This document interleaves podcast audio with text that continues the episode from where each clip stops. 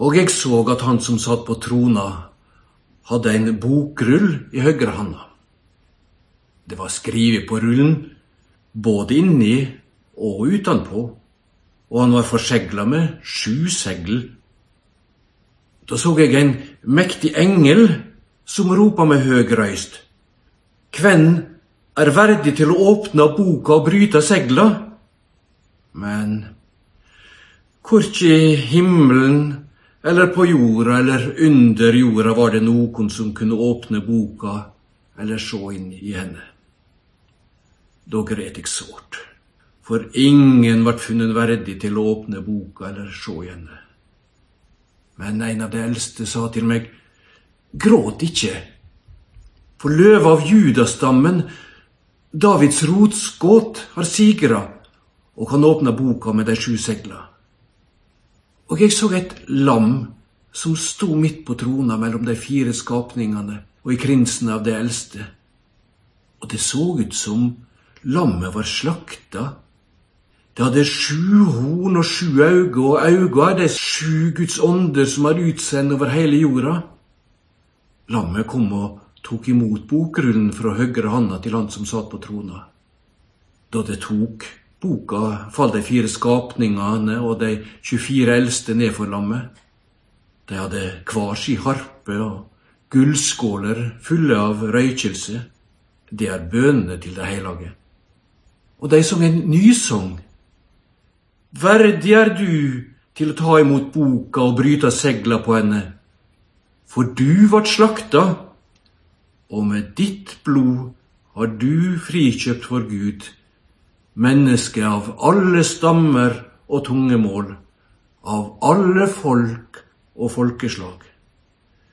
Du har gjort deg til eit kongerike, til prester for vår Gud, og de skal herske som konger på jorda.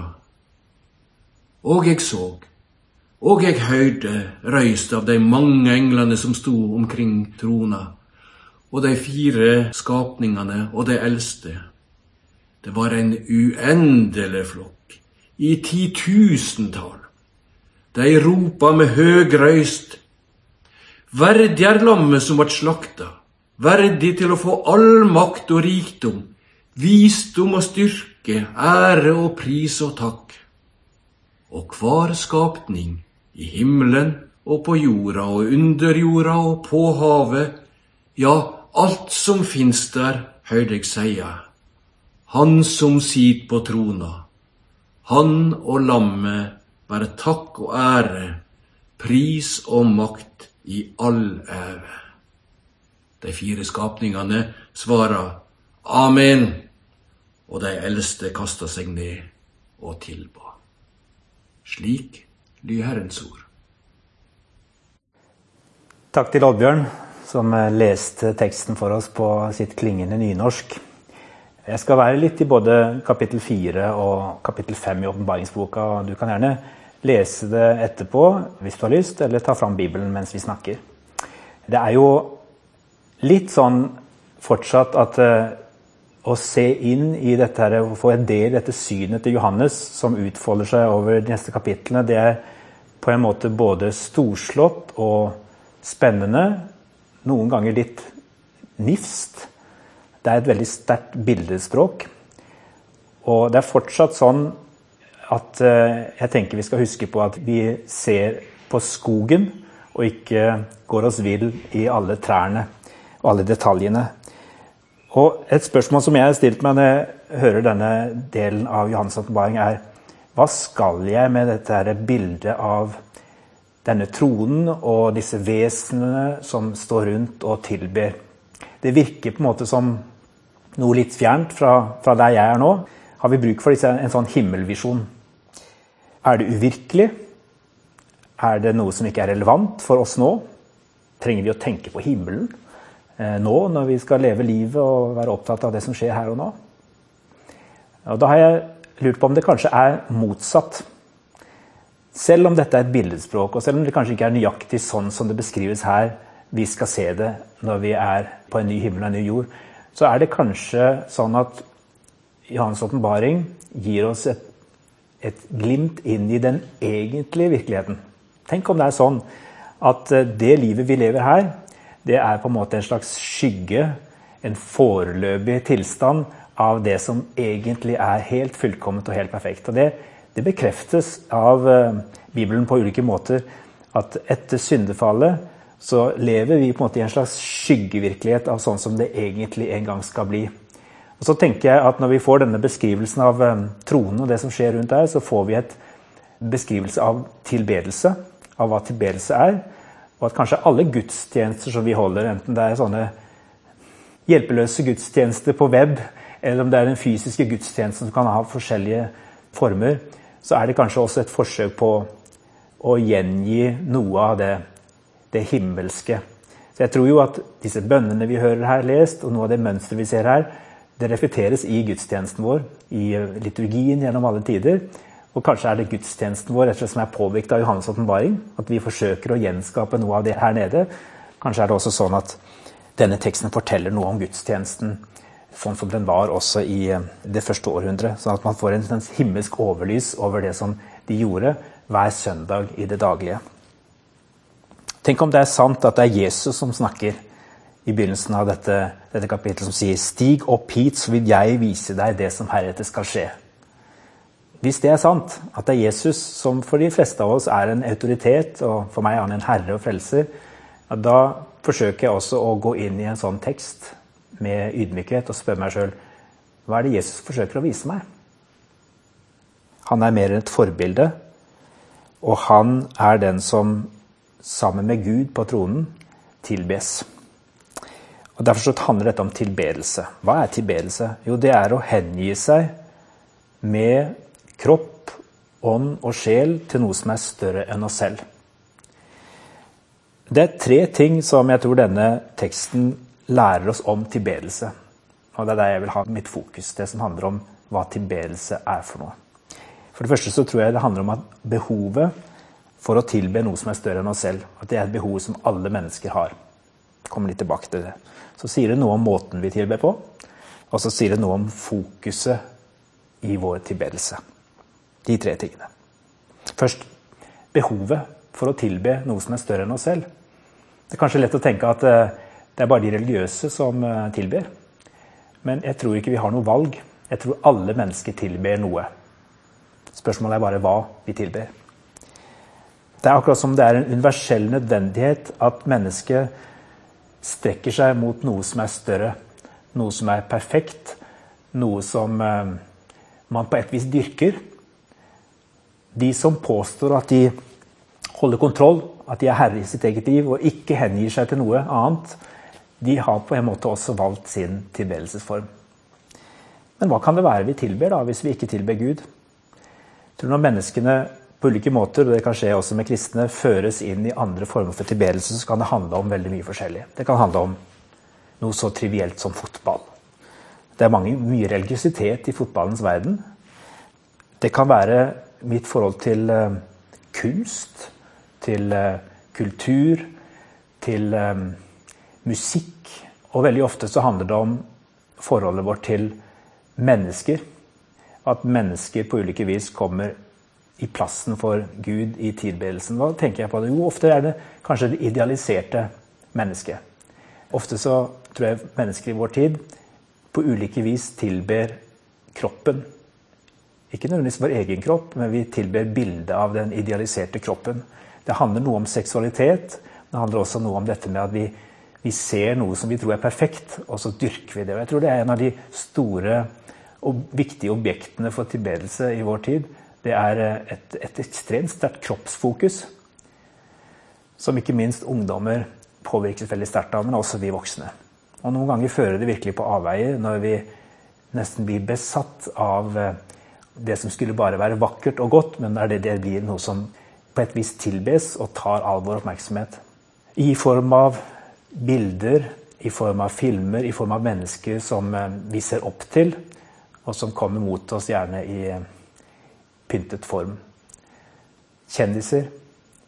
I dag er det sånn at det ikke nødvendigvis er eh, verken nåværende eller avgåtte presidenter som har mest innflytelse i ungdommers liv, f.eks. Det er ikke nødvendigvis titlene som betyr så mye, men vi vet at Det å få en kjendisstatus, det å være kjent for noe, det er ofte det som gir oss et menneske stor innflytelse. Og jeg tror at en del av eh, vår måte å forholde oss til alle stemmene rundt oss på, kjendisene, alle som på et eller annet vis har innflytelse over oss, det kan også fort bli vår form for tilbedelse. Og så møter vi et, en annen form for tilbedelse her, der man står foran en, en, trone. Og vi hører senere om at de står natt og dag og ber og synger. Og så kan vi tenke jo, det er jo litt det vi gjør i gudstjenesten og i vår hverdagslige andakt. At vi, vi, synger og vi ber. Og det er på en måte også en sånn tydelig gjenklang av dette at vi samles foran tronen. Men jeg tror også at vi skal ikke tenke for snevert om hva tilbedelse er. I Romerne kapittel 12 så står det at eh, vi skal bære fram våre kropper som et hellig offer for Gud. Og Da tror jeg tilbedelse handler om det som skjer i hverdagen. Når vi lever ut det som er Guds hensikt med våre liv. Når vi kommer i, i rett stand, i rett forhold til både Gud og medmennesker. Da tilber vi på en måte med hele vårt vesen. Det er noe av det vi ser et eh, glimt av i Salme 19 der det er naturen som beskrives som, eh, som at den tilber. Det står Himmelen kunngjør Guds ære, hvelvingen forteller hva hans hender har gjort. Og så fortsetter sammen å beskrive hvordan skaperverket priser Gud, bare ved å oppfylle sin eh, natur, sin rolle. Det å underkaste seg og tilbe Gud er det vi alle er skapt til. Det ligger i vårt design at vi skal tilbe vår skaper, og når vi ikke tilber Han, så tilber vi noe annet.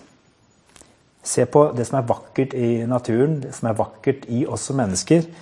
Det er nydelig når og fordi vi gjør det vi er bygget for å være. Og Derfor kunngjør både naturen og menneskene og resten av skaperverket Guds ære. Når vi lever i tråd med Guds ord og med Guds intensjon. Alle tilber noe. Det er en universell nødvendighet. Så Derfor så tenker jeg at det er ikke viktig for Gud heller at uh, han blir tilbedt for sin egen skyld. Jeg er ikke av de som tenker at uh, Gud uh, sitter der på tronen som en, en, konge, og så sier han jeg, jeg ønsker deres fulle oppmerksomhet, og jeg blir sur hvis ikke dere ser på meg. Akkurat som Gud har funnet på dette med tilbedelse for sin skyld. Nei, jeg tror han har funnet på det for, for vår skyld. Fordi når vi har rett fokus og retning i livet vårt, da lever vi ut vårt fulle potensial.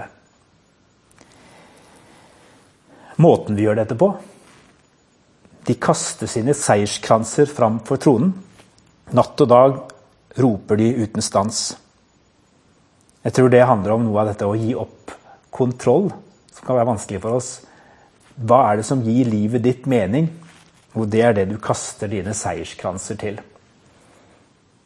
Å tilbe Gud det innebærer at han blir mest viktig i måten vi håndterer penger på. Det innebærer at vi gjør han til herre over vår karriere. Det innebærer at eh, jeg gjør han til herre over mine relasjoner. Det innebærer at han er herre over min tunge. Det innebærer at han er herre over mine meninger. Det er en form for hengivelse som kan være ganske vanskelig for meg, og som jeg tror de fleste mennesker fra tid til annen rives bort ifra og Det er denne visjonen vi får her. Kom tilbake til meg. Våg å hengi deg til meg. Da kommer du der du skal være i ditt liv. Jesus fortalte om en mann som solgte alt han eide, for å få denne dyrebare perlen i en åker. Og Det var et bilde på Guds rike. Det er egentlig det Gud også inviterer oss til når det handler om tilbedelse. Det å skjønne at dette er så verdifullt at alt annet i livet vårt skal få stå i forhold til det. Og fokuset, hva er, det, hva er det som skjer med den som tilber Gud? Jo, det er at vår egen verdi også blir bekreftet. Det er ikke sånn at vi utvisker oss selv når vi kommer i rett forhold til Gud. Det er ikke sånn at vi blir små. Nei, vi forstår mer og mer at vi er skapt i Guds bilde. Vi tar imot eh, fornyelsen som Jesus gir i sin frelse. Og da får vi også et rett bilde av oss selv. Da blir vi ikke små, men vi får også se oss selv som eh, verdifulle skapninger.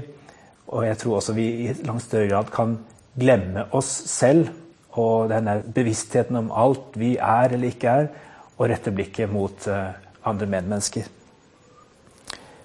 Og så får vi se her at uh, i tilbedelsen så snakkes det om at han er verdig. Guds verdighet synker innover oss i tilbedelsen, slik at vår respons den skjer med hele vårt hjerte. Han er verdig, han fortjener all vår ære. Hvem er det vi tilber? Det er en finurlighet i denne teksten. For først så hører vi om løven som skal sitte på tronen. Det er det Johannes får høre. Når han ser etter, hva er det da han ser? Og da ser han lammet som er slaktet. Det har noe med Det gamle testamentet å gjøre, og dette med at eh, lammet er et bilde på Kristus som eh, ble ofret for vår skyld på korset, og som fortsatt bærer sårene på sin kropp. Så det er klart det er den viktigste analogien her. Men jeg tror også det sier noe om hvordan Gud i Jesus Kristus kommer oss i møte her og nå. For at vi skal nærme oss den allmektige løven den veldige løven som kan være både skremmende og fryktinngytende. Når vi ser han, så ser vi han som lammet. Det første vi møter, er noe som vi får lyst til å nærme oss, og som vi vil være i nærheten av, og som vi kjenner trygghet i sammen med. Og derfor tror jeg Gud er så pedagogisk at han kommer oss i møte sånn at til og med barn skal tørre å være nær han. Men han er fortsatt en løve. Han er ikke ufarlig, som vi hørte om fra Ariani tidligere i dag. Han er ikke ufarlig. Han er jo løven. Men en løve som er vår venn, han er altså vår beskytter.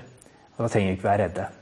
For vi har Han som Herre, som eh, ikke bare beskytter oss mot den onde, men som også tok på seg all vår synd og skam, ble slaktet for vår skyld, og som står fram som en seirende løve men fortsatt med tegnene på hva han har gjort for oss, så tydelig. Det er den vi skal tilbe, det er han vi skal møte. Og det er i møte med Jesus at eh, vår sanne tilbedelse skal få lov til å skje.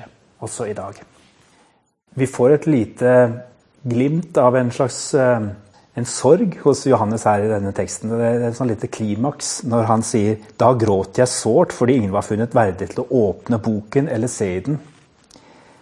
Stilt overfor verdens skaper og dommer, så spør vi oss gjerne hvem er verdig til å åpne boken, til å få tillit.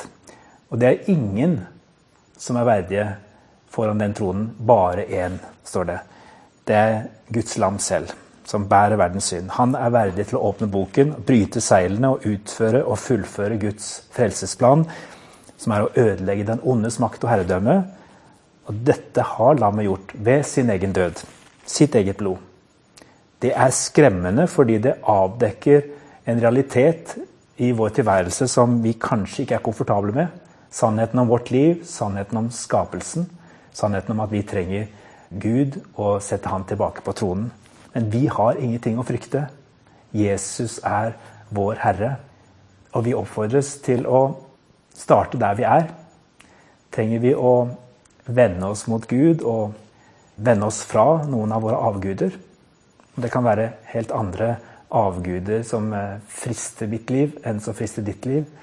Men eh, se på denne troen nå, og la det være en, et bilde som i første omgang kan virke skremmende. Og du tenker er det en løve jeg skal forholde meg til? Men så ser du nøyere etter, og så ser du lammet. Og da kan du nærme deg han i trygg forvissning om at han vil deg vel.